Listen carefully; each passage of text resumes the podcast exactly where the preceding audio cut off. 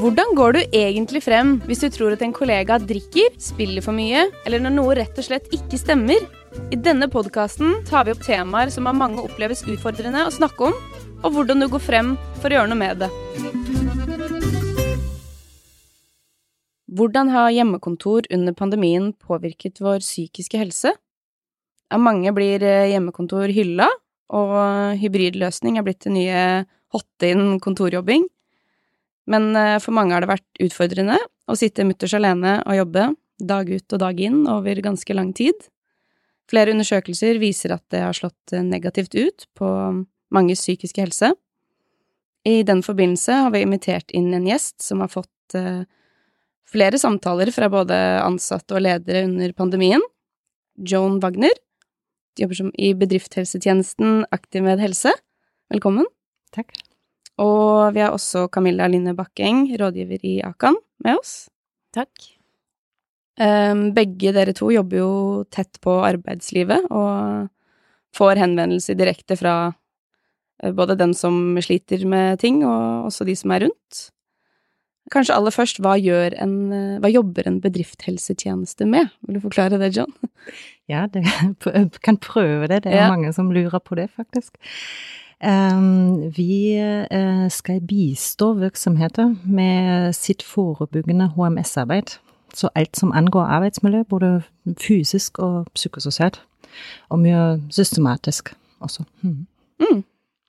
Uh, og din rolle, eller hva er din bakgrunn, og hva gjør du? Ja, jeg har akkurat lært å si at jeg er sykepleier på topp. ikke i bunn. Uh, det er viktig. ja. Uh, og så har jeg en del tilleggsutdanning og jobber som HMS-rådgiver nå i Aktivitet Um, og er noe som vi kaller for key account, kontaktperson for mange store, men også små virksomheter. Så jobber mye med landsdekkende virksomheter og de som, mange som er lokalisert her i Oslo. Mm. Mm.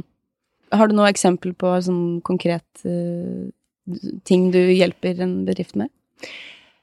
Jeg er ofte den de tar kontakt med når, vi, når de står litt fast. I, når de ser hvilken retning de ønsker å gå med sitt HMS-arbeid, men vet egentlig ikke helt hvordan de skal angripe det. Uh, jeg sitter i veldig mange arbeidsmiljøutvalg hvor jo sånne ting blir diskutert, hvor det lages også langsiktige planer. Jeg jobber mye med, altså, ja, med risikovurderinger, som vi kaller det, da, innen arbeidsmiljølivet.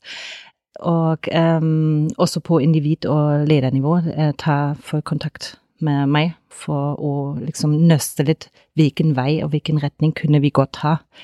Um, før de da enten går videre på egen hånd, eller med bistand fra noen av mine flinke kollegaer.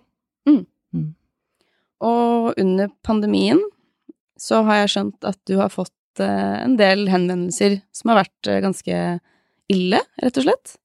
Har du lyst til å fortelle litt hva, hva du har eh, mottatt i løpet av ett og et halvt år nå? Pluss, pluss. Ja. Um, altså, henvendelsen nå, spesielt de siste ett og et halvt årene, har Altså, du sier ille, men jeg vil si har kanskje hatt en veldig sånn kompleks karakter. Eh, sammenlignet med eh, de tingene som har kommet inn eh, tidligere, om det nå skyldes for at man har ventet noe lengre fordi man ikke har sett sine ansatte på en stund, eller andre ting er jeg egentlig litt usikker på. Men sånn kompleksitet i forhold til ja, kombinasjon av f.eks. rusavhengighet og til dels virkelig tunge psykiske lidelser, som jo ofte ligger til bunns mm. uh, til en avhengighet. Eller hva som kom først, er ikke alltid så godt å si. Um, og det er ledere som, eller kollegaer som rett og slett har stått helt fast i uh, hvordan skal jeg håndtere det. Jeg ser den ansatte her uh, gjennom skjermen på, på Teams-møte, og det er mange som er inne i dette Teams-møtet, men vedkommende legger kanskje hodet på bordet og sover, og kanskje får ikke med seg at andre ser det. Så, og så får ingen sagt ifra eller tatt den ut heller, uh, som man kanskje hadde gjort i en vanlig hverdag når man har sett hverandre. hadde sett hverandre. Hatt ledere som har tatt kontakt og sånn klødd seg litt i hodet. Du, han, han reiste seg opp i møtet og hadde bare truse på. Uh, og jeg Jeg må nesten snakke med han om det. hva skal jeg si? Mm. Uh, så litt sånn det er egentlig hele spekteret folk som har vært bekymret fordi de ikke har fått kontakt med sine ansatte over flere dager. Uh, som da har veik til slutt å ringe til politiet og varsle det. Mm. Så og, sånn av en mengde, og kanskje, ja, jeg sa tidligere, kompleksitet, da, mm. som jeg ikke har opplevd sånn tidligere, ut fra et BOT-perspektiv. Mm. Så dere, kanskje, men Er det her eh, problemstillinger eh, du kjenner igjen i, Camilla, som vi har fått? Det jeg kjenner igjen, er jo at vi har jo fått også en del henvendelser fra både ledere, HR, og også vedkommende selv med utfordringer under pandemien. Og inntil også økte det jo, ikke sant, ganske umiddelbart etter nedstengingen. Da var det 20% økning umiddelbart på henvendelser til oss, da. Eh, og det det handlet om da, var jo stor usikkerhet i hvordan både ledere og HR skulle følge opp sine ansatte når de nå ble satt på hjemmekontor. Eh, vi visste så lite i starten. Og så var det Det som var litt nytt for oss, var at det var en økning i henvendelser fra de med problemer selv. Altså de som hadde hatt et eller annet da, i forkant av pandemien. De ble kanskje fulgt opp uh, tettere av sin leder, og de var bekymra for hva, kom å, hva, kommer til å skje med meg nå. Uh, hvordan skal jeg bli fulgt opp når jeg nå skal sitte hjemmefra? Og så er det klart at når, når folk tar kontakt med oss, så er det jo på grunn av en mistanke eller på grunn av at det handler om problematisk bruk av rusmidler eller spill, Eh, men som Joan så fint sier, det ligger jo ofte noe annet bak. Ikke sant? Når vi snakker om rus, avhengighetsproblematikk, spillproblematikk i arbeidslivet, så er det jo ofte bare, eller bare, men det er ofte symptomer på noe annet, noe underliggende. Eh, for psykisk helse, psykiske lidelser, psykiske plager og rus henger jo så tett sammen. Og det er jo eh, ofte helt umulig å si liksom hva som kom først, da. Så, så jeg, ehm, jeg følger det at det har vært eh, det har vært litt andre type utfordringer, litt andre type spørsmål som har kommet inn, eh, og, og ennå kanskje vagere, da, i forhold til at det, det, har vært gjennom denne lille firkanten, ikke sant, gjennom video, mm. og hva klarer man å fange opp da? Eh, så det som alltid har vært liksom henvendelser som har, har, handlet om at det er noe rart eh, med en ansatt, ja, det har nesten vært enda rarere nå, for man har ikke klart å sette helt fingeren på, på hva det er, da. Mm. Fordi man bare ser hverandre gjennom en, ja, et kamera. Ikke sant, det er jo så mm. vanskelig å fange opp uh, hva som skjer da med, med ansatte, og vi klarer å jeg tenker i hvert fall at vi klarer jo å ta oss sammen eh, ofte i den timen i Teams-møtet, men når du da i tillegg opplever at folk enten sovner eller, eh, eller det er veldig rar oppførsel, da er det i hvert fall på tide å ta tak i det, ikke sant? Ja, så er det sikkert litt altså For mange kanskje også det har vært vanskelig, da, og mm. nettopp altså dukker noen opp i truse på jobben, liksom. det hadde aldri skjedd. altså, nei, det, hadde, det, det, det det ene, men det hadde det kanskje også vært mye mer naturlig ja. at vi da vet et så, la oss si, kalle det grovt overtramp, eller at noen sovner i møtet, blunder litt bort eller noe, um, at man det hadde tematisert da og da på en helt naturlig måte, og den, den naturlige tilnærmingen. Mm. Den lederen ble litt fratatt den, og kollegene i og for seg også. Ja. Uh, og den tror jeg har mange har nok noen sliter litt med. Mm. Så hvordan skal jeg tematisere det nå? Jeg ser det, men jeg har fortsatt bare den skjermen, eller skal dere innom altså min ansatte? Så uh, det, det, er den som uh, jeg nok har merket, og flere av mine kolleger også, uh, mange har søkt råd om. Hvordan gjør vi det? Altså sånn eller den vanskelige samtalen, men på skjerm. Mm. Eller har jeg lov å si det, egentlig? Mm. Eller skal jeg bare lukke øynene og glemme mm. at den gikk forbi da med ja. Ikke sant? Så, ja. Mm. Og vi ler av at noen satt i truse på, på Teams-møte, men det er jo Ja, det kan jo På YouTube er det mange sånne, sånne filmer. Jeg vet ikke om de er satt opp sånn Ja. kunstig, eller Men altså at det, at man det merker jo om det er noen som har faktisk bare har glemt å ta på seg buksa, eller om det er kanskje noe annet som ligger bak, da. Ja, Ja. ja. sant. Og det, det er jo absolutt også et annet spørsmål, men samtidig er det jo en forglemmelse, og kanskje kan oppleves veldig støttende for den, som, den andre parten som sitter foran skjermen. Mm. Så Ja, uh, for å komme litt vekk fra trusa. Men, men eh, poenget er jo, eh, som du sier, Camilla, eh, påfallende atferd Mm. i et kanskje litt nytt ny variant Ja. eh, til det. Ja. Eh, og så vil jeg også si at um, leveranse er jo lederen også opptatt av. Og det er også er nok det er en ting som er vanskelig å sette fingeren på for mange. Uh, spesielt de som har mer sånn frie og uavhengige stillinger, uh, som da ikke har en sånn åtte til fire-jobb og skru sammen et skap og enten er ferdig eller ikke. Eh, Den type sånn veldig sånn tydelighet i sitt arbeid.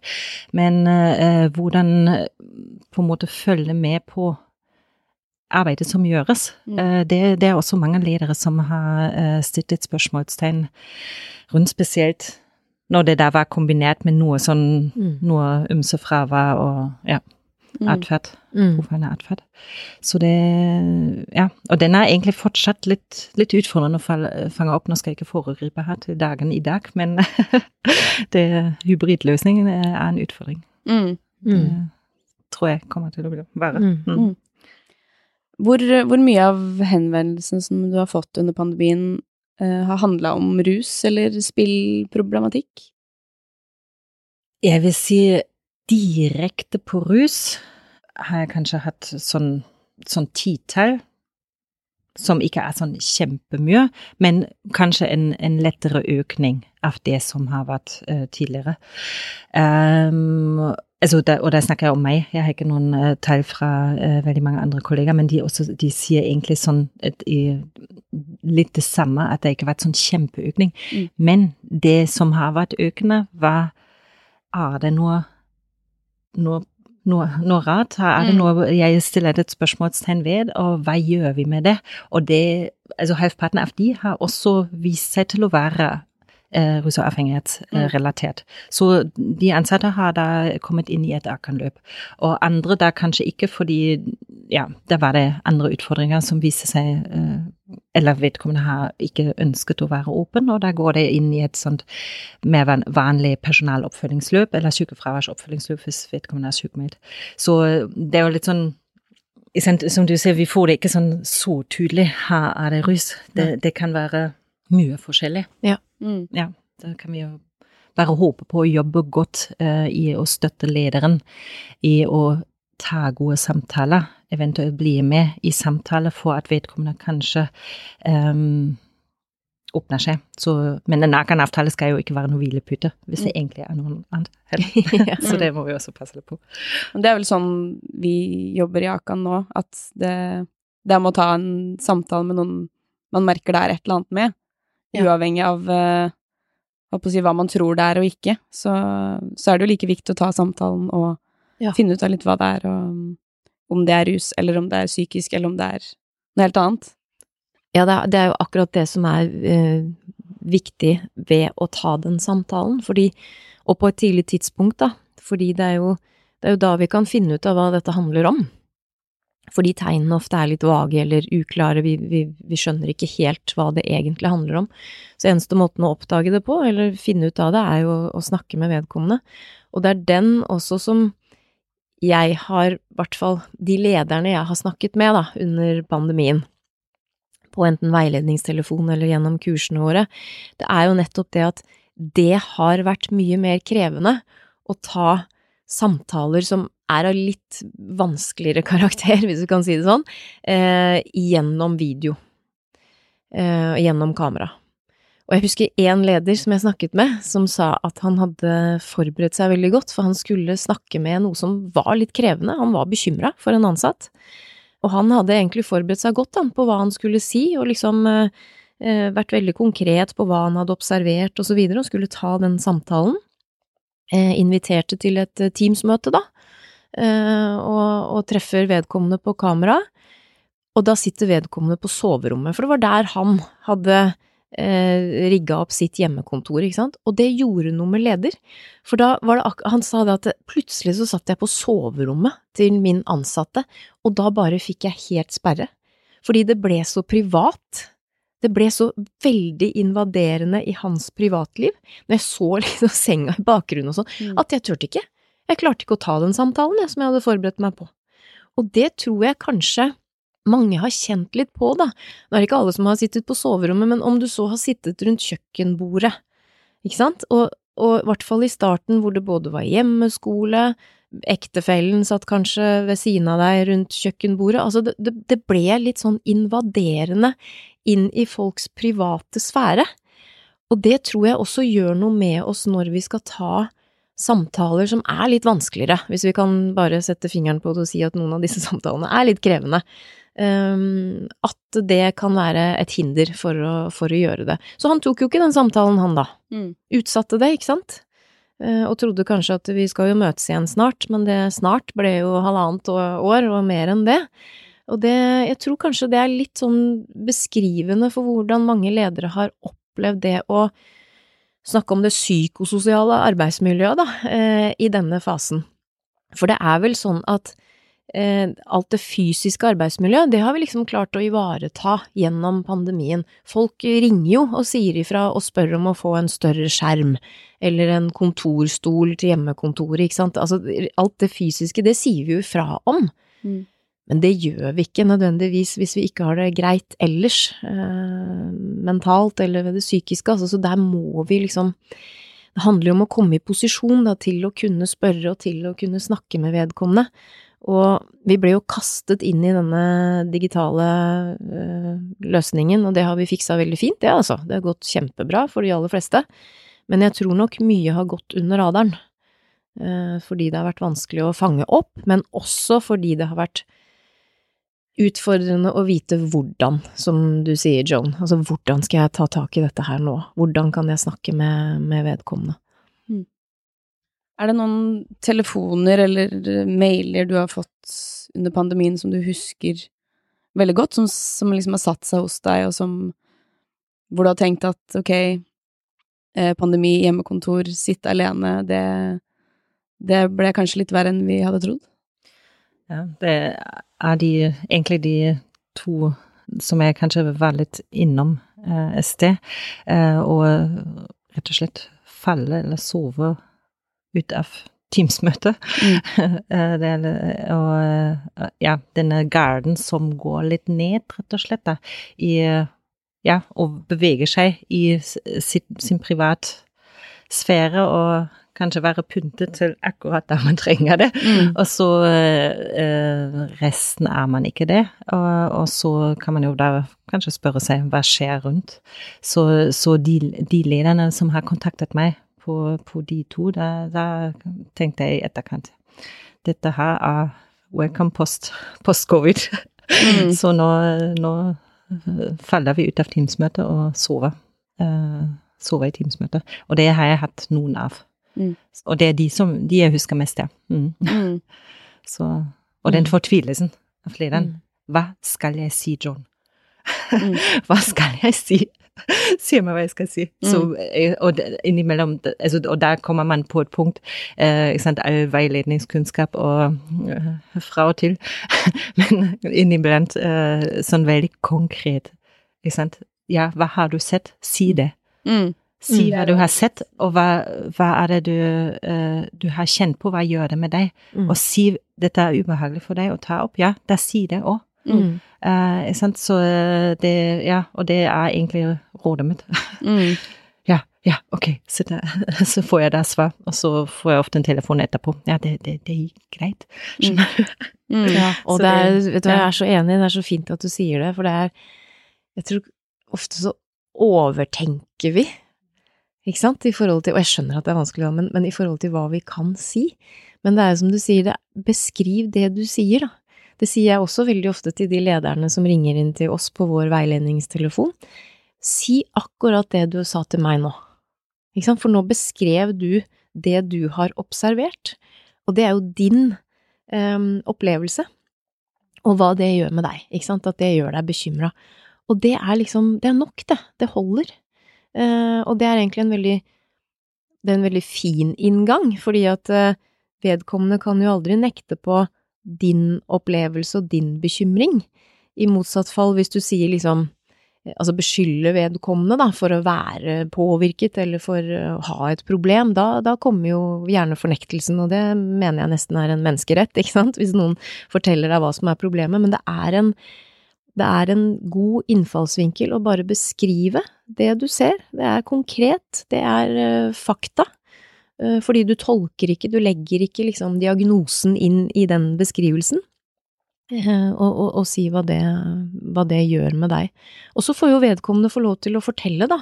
Og så er det jo ikke sikkert du får sannheten, men da har i hvert fall du som leder sagt eh, hva du ser, og hva det gjør med deg. Veldig, veldig enig med deg, Camilla, uh, og har lyst til å si at det, det er så viktig. Det, det, det siste du, du, var nå inne på, er um, det er ikke sikkert at du får hele historien, ikke har så store forventninger til eh, et sånt utfall av en sånn samtale. Av flere grunner. Mm. Det ene kan være at uh, etter min erfaring, de sakene som har kommet opp nå, og spesielt de jeg nevnet uh, tidligere, hvor, som har vært så tydelig du, Nå har vi en Akan-sak her. De aller fleste av de ansatte har vært inne i Akan oppfølgingsløp tidligere. Dette er godt kjent. Jeg har vært, mange av mm. de har vært veldig åpne på arbeidsplassen rundt sine utfordringer, også i tidligere år. Eh, og kjenner nå at de har kommet litt ut av balanse eh, de siste halvannet år. Og på en måte ja, ønsker seg eh, litt bistand på nytt, da. Og mange av dem er veldig godt vant med å snakke om disse tingene. Ja. De har snakket med mange behandlere, har, mange har vært innom eh, mange steder og har liksom Det har også lagt seg litt Altså, de vet hvordan man kan uh, formulere seg på en god måte, og sånn som man også treffer uh, det jeg spør etter, da, som leder, for eksempel. Da så mange har en god fasade, kanskje, kan man jo også kalle det. Eh, eller er godt trent og godt, godt vant eh, rundt disse samtalene. Men eh, eh, Så det er ikke sikkert at vi får så veldig mye ny åpenbaring i en sånn samtale. Eh, men man kan ikke se bort fra at det setter allikevel i gang en prosess. Bare mm. den åpenhet som da kanskje leder eller en kollega uh, viser at du vet hva jeg ser, og jeg lurer på, eller jeg er bekymret, eller hva det nå enn er. Og bare det i seg sjøl kan man egentlig la ligge hvis du ønsker å, å, snakke om det. Kom til meg, jeg er her. Så, eh, og jeg tror ikke mer må man ikke forvente av en sånn samtale heller. Mm. Og, og, det merker jeg også at det senker litt skuldrene til lederne mm. når, når, vi snakker litt om det. Uh, fordi man har store forventninger og forhåpninger om at nå kommer løsningen. Og så går vi rett inn på tiltak, men det kan vi snakke om litt senere. Mm. Ja. ja, jeg, jeg, er så enig i akkurat det du sier der, for det er, det er jo signaleffekten ofte, ikke sant, det du sier, du viser at du ser, og så syns jeg også det at du viser at jeg kan snakke om dette også, jeg. Ikke sant? Jeg er, jeg som leder er trygg, jeg står med begge beina i det. Um, jeg tør å høre på deg, jeg tør å ta imot eh, hvis, du, hvis det er vanskelig, ikke sant. Bare det signalet der tror jeg også for noen kan være det lille at søren, ass, jeg har en leder som eh, kan snakke om det også. Det, det er ganske effektivt for mange og, og, er med på å skape den tryggheten, da, som må være til stede for at vi skal få en åpenhet om disse temaene, både psykisk helse og rus og avhengighet. Mm. Eh, du nevnte så vidt hybridløsning i stad, John. Det er jo um, flere store bedrifter, blant annet, som har uh, gått ut i media og sagt at uh, vi, nå kjører vi for eksempel full hybridløsning hvor man enten kan velge helt selv hvor ofte man er på kontoret, eller at man har tre faste dager på kontoret, to hjemme. Litt sånn forskjellige løsninger. Hvilke utfordringer ser eh, dere med, med en sånn hybridløsning? Dere kan egentlig velge litt hvem som vil ta ordet her, tenker jeg. Ja jeg, kan, ja, jeg kan si litt om det. Det er jo det som er spennende nå, da. Eh, for nå sitter vi i denne gjenåpningen eh, alle mann, og det får vi mange henvendelser på nå. Nå er det mange som sitter og klør seg i hodet uh, og lurer på i hvilket tempo, um, hvor mange regler uh, vi, og retningslinjer skal vi lage på dette for å være tydelig, og, og hvor, hvor, stor frihet skal man ha, ikke sant, som du sier, Julie. Um, så dette tror jeg er um, For det første så er det jo viktig at bedriftene snakker om det, um, og finner noen løsninger som passer for akkurat dem, for her er det ikke noe fasit uh, på akkurat det. Men utfordringene, hvis vi kan se det fra vårt perspektiv, da, er i hvert fall at ved hybridløsninger, om det blir ja, ofte på hjemmekontor eller oftere på kontoret, det, det, spiller ingen rolle, men ved at vi nå noen skal sitte fortsatt hjemmefra innimellom og jobbe, så må vi trygge ledere eller lære opp ledere i hvordan de skal følge opp gjennom kamera og hvordan de skal fange opp ting som skjer gjennom kamera. Og avstandsledelse er ikke noe nytt, altså det har vi hatt i, i alle år, uh, og noen er gode på det, noen har ikke gjort det så mye, men jeg tror på at dette klarer man å uh, kan man klare å ha fokus på, men, men, da må man nettopp snakke om det, og liksom legge litt trykk på det, altså. Så det høres jo flott og fint ut. Um, og, og det, mange elsker det jo. Ja, mange elsker det, og, og jeg tenker at det er eh, kjempefint, det. At vi nå, nå står vi i en situasjon hvor vi faktisk kan tilpasse arbeidssituasjonen, ikke sant, og gjøre det effektivt og lytte til de ansatte. Hva har fungert, og hva har ikke fungert? Det er jo nyttig, eller veldig viktig å kartlegge det litt, men, men at man i hvert fall rigger seg for å ivareta alt det psykososiale overfor de som skal sitte hjemme. Eh, det tror jeg er kjempeviktig. Og så er det jo noe med at, eh, for du var inne på det, Joan, altså de som hadde hatt utfordringer før, som kanskje har hatt noe type tilbakefall nå under pandemien, ehm, for dem så er nok disse rammene som det å være fysisk til stede på kontoret viktig. Eh, og da blir det viktig med denne kartleggingen i denne fasen nå, ikke sant, å høre hvordan folk har hatt det, og hva skal til eh, for å ivareta folk gjennom gjenåpningen, og på andre siden, holdt jeg på å si.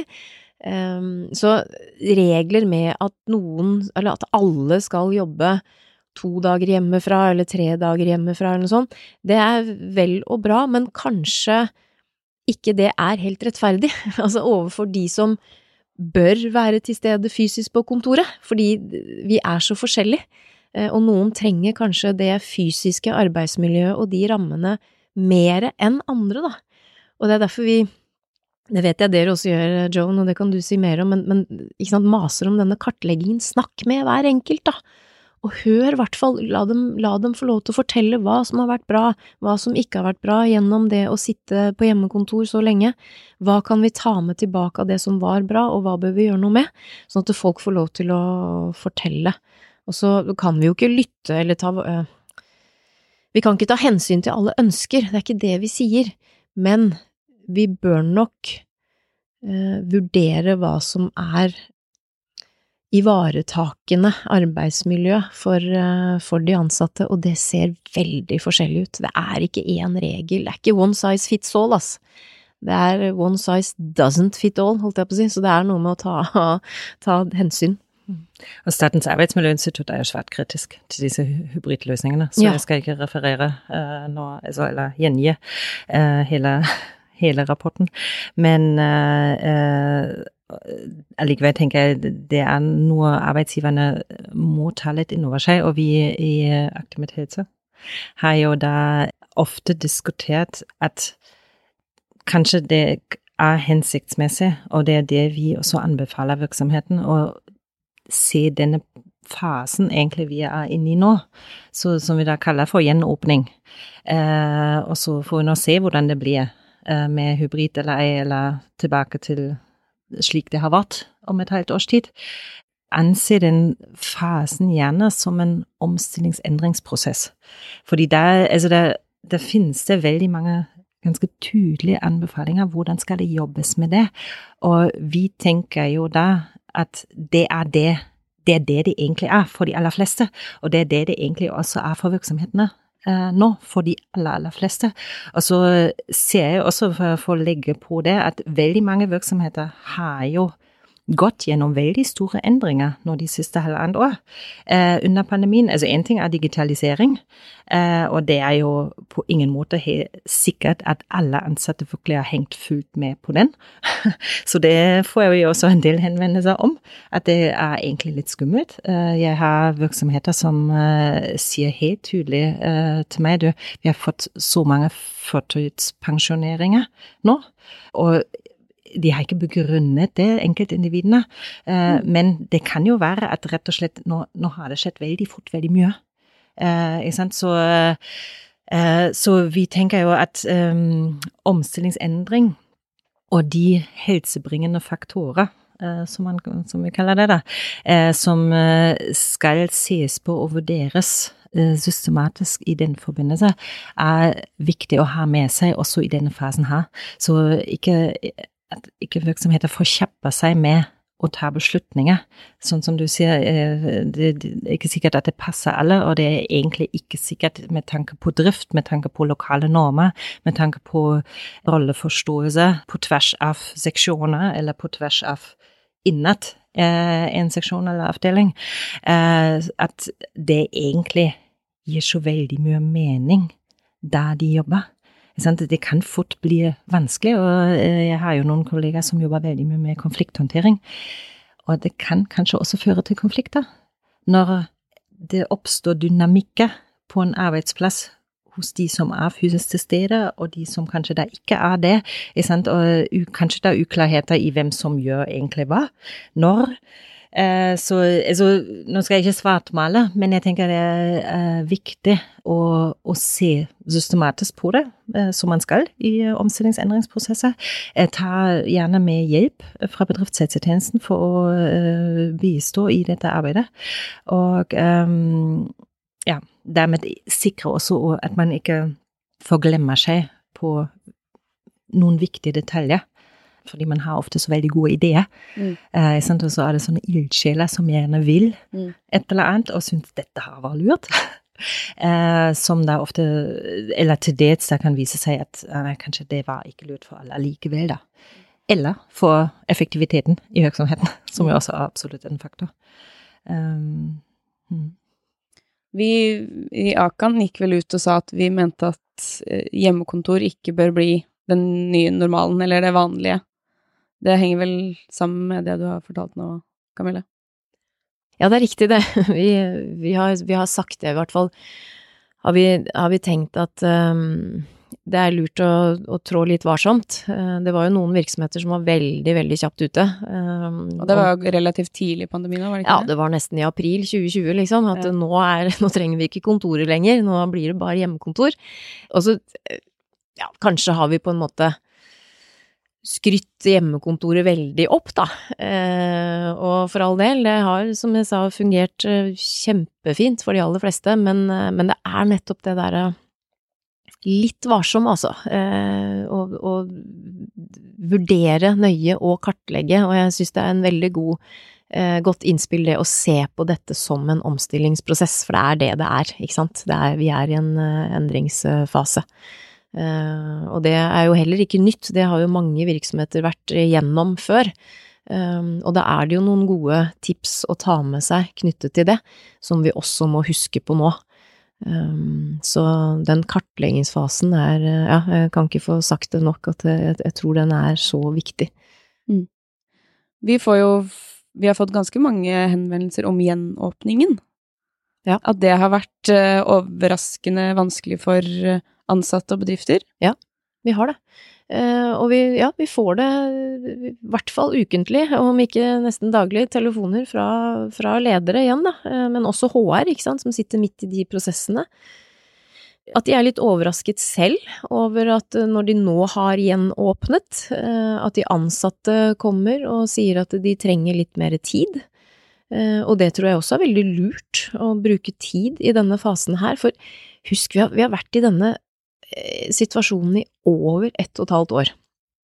Vi kasta oss rundt eh, når det skjedde, og så har vi tilegnet oss en annen kanskje struktur på arbeidshverdagen, andre rutiner, andre vaner, da. Um, alkoholvaner er jo også endret ikke sant, under pandemien, heldigvis ikke til uh, veldig mye verre, men, men, noen har drukket mer. Og det tar tid å endre vaner igjen. Og det må vi, det må vi også huske på, at ja, noen trenger litt mer tid. Andre har sittet og venta på denne gjenåpningen hele tiden og var så klare. Uh, men der også er det ulike hensyn å ta. Og der syns jeg jeg har snakket med flere og flere som eh, som sier det at det har nok gjort mer med meg enn jeg har trodd, for plutselig nå har vi begynt å kjenne på en form for sosial angst, ikke sant, nå når vi kom tilbake og plutselig skulle ha folk nær oss på bussen, på toget, på kontoret, eh, plutselig så har vi masse lyder og støy rundt oss. Eh, mange har snakket om at eh, de er mindre effektive nå når de er tilbake på kontoret fordi det er så mange avbrytelser og så videre, selv om vi har sittet og ønsket oss det og savna det, ikke sant. Så, mm, så, jeg tror bare den derre Bruk litt tid på det. Og igjen er jo det, handler jo det om god planlegging, da. Hvilke henvendelser har dere fått på det med gjenåpning? Jeg hører det er ganske, egentlig ganske likt mange bekymringer. Mm. Sånn, jeg er ikke helt klar. Mm. Eh, og, HR, og spesielt HR-avdelinga, eh, klør seg jo litt i hodet. Hva ja. gjør vi med det egentlig nå? Ja. Eh, og hvor, hvor, streng skal vi være? Ja. Eh, så ledelsen sier én ting, og så, men vi sender og får tilbakemelding også fra vernetjenesten om noe annet. Og eh, jeg tenker at du var litt inne på det, Camilla. Eh, det er et stort sprang. Mm. Hvis vi sånn, tenker litt sånn helhetlig. Hele det norske samfunnet har jo jobbet med å få åpne kontorlandskap ja. de siste årene. Så det er jo veldig i tiden. Istedenfor å komme tilbake til et sånt åpent kontorlandskap, hvor eh, HR, eller den som sitter med HMS-ansvaret, går rundt med et metermål. Hvor mye avstand er det egentlig her? det er nå det ene. Eh, I tillegg til all det støyet, alt det, mm. eh, det optisk støy, mm. er jo også noe som vi ikke lenger er vant med. Altså det, det, det er et veldig sånn stort skille. Og så jobber, jeg jo en del virksomheter også som reiser en del, og kommer kanskje med utenlandsk eh, bakgrunn, jobber her i Norge. Og det bildet i resten av Europa er veldig annerledes enn det vi har her i Norge. Ja. Jeg er litt usikker om det kanskje også spiller litt inn at folk kanskje, eller folk, at mange kanskje er litt sånn tilbakeholdne med at ja, vi er så åpne nå i Norge mm. og skal tilbake til helt vanlig, uh, mens hele resten av Europa beveger seg inn i en ny bølge, og egentlig mange land stenger ned på nytt igjen. Mm. Så skal vi virkelig ha det sånn. Mm. Uh, så samtidig uh, ja, virksomhetene følger jo der regjeringens uh, retningslinjer, og det er jo riktig også, det er meningen, det. Mm. Uh, men uh, det er ikke sikkert at det er så enkelt av den grunn for mm. individet som sitter der og skal gjøre dette i det daglige, ja. uh, og skal kjenne på det. Så, og da er vi så veldig forskjellige, da. Uh, ja. ja. Og så hadde jeg et eksempel fra en bedrift uh, som hadde hørt, og det har jo vi også hørt og erfart, at det er jo de som har bodd alene, og de unge og nyansatte som har hatt det mest krevende under pandemien. Eh, så når de gjenåpnet nå, så var de veldig bevisst på hvem de på en måte ville ha tilbake til kontoret først, da. Og det var nettopp de. De nyansatte, de yngste, og de som bodde alene. Så de, de valgte, de var litt selektive, rett og slett, og det syns jeg også er en god, uh, god idé, altså. Eh, å tenke, tenke, på de som man vet nå har vært grupper som har uh, opplevd dette vanskeligere enn andre, at de er de som får lov til å komme tilbake først. Noen har jo til og med hatt det åpent for dem under pandemien til å kunne komme på kontoret. Men, men at de liksom har vært veldig tydelige på det. Det tror mm. jeg er smart. Ja, da kjenner jeg meg igjen i. Jeg har jo bodd alene, eller jeg bor alene, ja. Eh, og er en ganske nyansatt i Akan. Ja.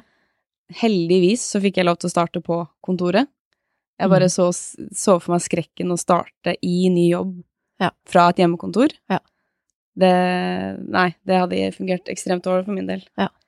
ja. det forstår jeg veldig godt, altså. Det skal vi, skal vi tenke på. Det jeg var på en konferanse i går og hørte akkurat det, at eh, de bedriftene som har hatt onboarding eller har tatt imot nyansatte nå under pandemien digitalt, dere må nesten starte den onboardingen på nytt, ikke sant, når man kommer fysisk eh, på jobb. For nyansatte har helt andre behov enn vi som har glemt hvordan det er å være nyansatt, altså. Så det er, er nesten å starte på nytt. Det tror jeg også er viktig å ta med i denne fasen. Mm. Uh, John, hvis du skal komme med tre råd til bedrifter som syns det er utfordrende med den gjenåpninga her, kanskje noen ansatte trenger litt mer tid, vil helst jobbe mye hjemmefra, noen vil tilbake på kontoret for fullt. Hva, hvilke råd eh, har du å gi? Jobbe systematisk med det, for, for det, det, hjelper å uh, få en forståelse om hvilke grupper, kanskje, er det det handler om? Er det usikkerhet? Er det usikkerhet av smitte? Eller er det andre ting? Er det praktiske forhold? Er det jeg har hørt eh, at plassene er nå tatt fra de nyansatte, så nå må jeg finne meg en ny plass, og det var jo kjipt. Eh, så det, altså det kan være et sånn ganske stort spenn, men veldig mye av det kan adresseres veldig sånn veldig godt, og er sånn som Pål Målander fra Statens arbeidsmiljøinstitutt pleier å si, eh, lavthengende frukter. Man må bare forstå seg på de, og det er derfor den, det systematiske arbeidet tenker jeg er veldig viktig eh, i den perioden vi er i. Eh, og ja, tre, tre råd spurte du om nå. det er ikke så viktig, men eh. Nei, men uh, så jeg tenker vernetjenesten er også en veldig, veldig viktig rolle. Eh, i dette her, eh, både i eh, fortolkning av strategi og tiltak som iverksettes på arbeidsplassen. Så hvordan er dette her ment? Hjelp de ansatte med det. Fordi ledere er kanskje ikke alltid til stede, spesielt når man har valgt en hybridløsning. At dere altså bruk de interne kreftene som virksomheten har, eh, jobb sammen med vernetjenesten, at de har en god forståelse om at, de, at dere snakker samme språk eh, om de forskjellige tingene på arbeidsplassen, og i tillegg er det jo eh, en veldig viktig funksjon også for å eh, få tilbakemelding, en sånn temperaturmåling på hvordan folk har det, hva funker, hva funker ikke. Så da er man mye raskere på problemløsning da også, at ikke ting, ting hauser seg opp eller bygger seg opp unødvendig. da. Så jeg tenker da eh, bruk, bruk, interne krefter og jobb systematisk som, som egentlig alle skal, men ikke glem det nå. Eh, ikke så ikke, ikke, tenk nå, nå gjør vi sånn, og så basta. Mm. Eh, som jeg hører at noen har litt innstilling på. Dette har jeg bestemt nå, og ferdig snakka. Mm. Så der tror jeg Ja, tar litt tid, sa du, Camilla. Det Ja, og noen kan ikke ta seg tid, sånn er nå det, men det er i hvert fall bruk Se godt, og vær fortsatt ydmyk. Og så det tredje, kanskje, det er jo noe vi også har snakket en del om, eh, Camilla, tidligere, um, at lederne har litt Har et rom for å kunne snakke hvis det er behov det. Så når spesielt også hybridløsning, mange sier at ja, jeg sitter i åpen, åpen landskap, men mange møter er fortsatt på Teams, så jeg sitter like mye med øreklokker og hele tida. Uh, så jeg er ikke tilgjengelig egentlig for verken kollegaer mm. eller mine ansatte. Men hvis vi ikke er tilgjengelige om å løpe fra møte til møte, da oppstår ikke de samtaler som vi jo egentlig er litt sånn på jakt etter, og kanskje bør være litt tilgjengelig for akkurat nå.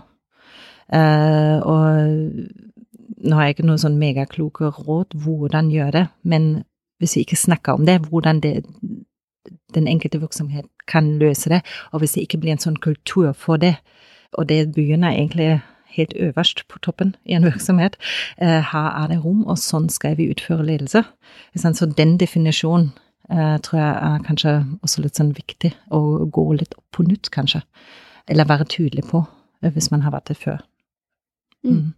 Har du noen eh, korte råd til slutt, Camilla, fra ditt ståsted? Jeg kan legge til, for jeg er veldig enig i det Joan sier, da, men jeg kan jo legge til at uh, i hvert fall huske på at de virksomheter som har en policy for rusmiddelbruk og spill, at den også gjelder for hjemmekontor. Uh, og det er kanskje lurt også å påminne uh, de ansatte om. Og så er det egentlig det å stille spørsmål, altså vær konkret når du ønsker å snakke med en ansatt. Eh, for spør vi hvordan har du det, så får vi svar eh, som at det går bra. Men, men vær konkret på det du lurer på. Altså hvordan vil gjenåpningen være for deg? Hva har fungert bra på hjemmekontoret? Eh, ikke sant? Så helt sånn konkret, for da forteller jo folk eh, litt mer, kanskje, enn det åpne og generelle spørsmålet som hvordan har du hatt det? Mm. Hvem har noensinne åpna seg? Ja, ja, ikke sant? Ja. Og kanskje også den, den, den ja, la oss kalle det negative siden. Hvis det ikke fungerer for ja. deg på jobb, hvorfor, hvorfor gjør det ikke det? Ja. Eh, det merker jeg også i, ofte i samtaler, i sånne trekantsamtaler eh, i Akan, eh, når jeg sitter i Akan-møter eh, med ansatte og ledere, at det trengs ofte litt bistand til å komme til kjernen mm. Eh, i en sånn samtale. Mm. Eh, så hvorfor er det sånn? Hvorfor er dette her krevende for deg? Ja. Fordi uten å snakke om det og mm. komme i kjernen på det, får vi ikke gode tiltak til heller, når det først trengs. da. Så mm. Mm. Enig. Mm. Da tenker jeg vi nærmer oss slutten, med mindre det er noe dere, noen av dere tenker vi bør nevne. Eller så får vi håpe at eh, bedrifter har fått litt råd til hvordan de kan nå jobbe videre med gjenåpningen og, og tilbake til eh, den nye normalen, eller hva man kaller det. Ja. Tusen takk for at dere kom, eh, begge to. Takk. Tusen takk. Takk for at du lytta til podkasten. Husk å abonnere, så får du neste episode direkte til mobilen din. Ønsker du mer informasjon om hva du kan gjøre, gå inn på akan.no. Er du bekymra? Ta praten.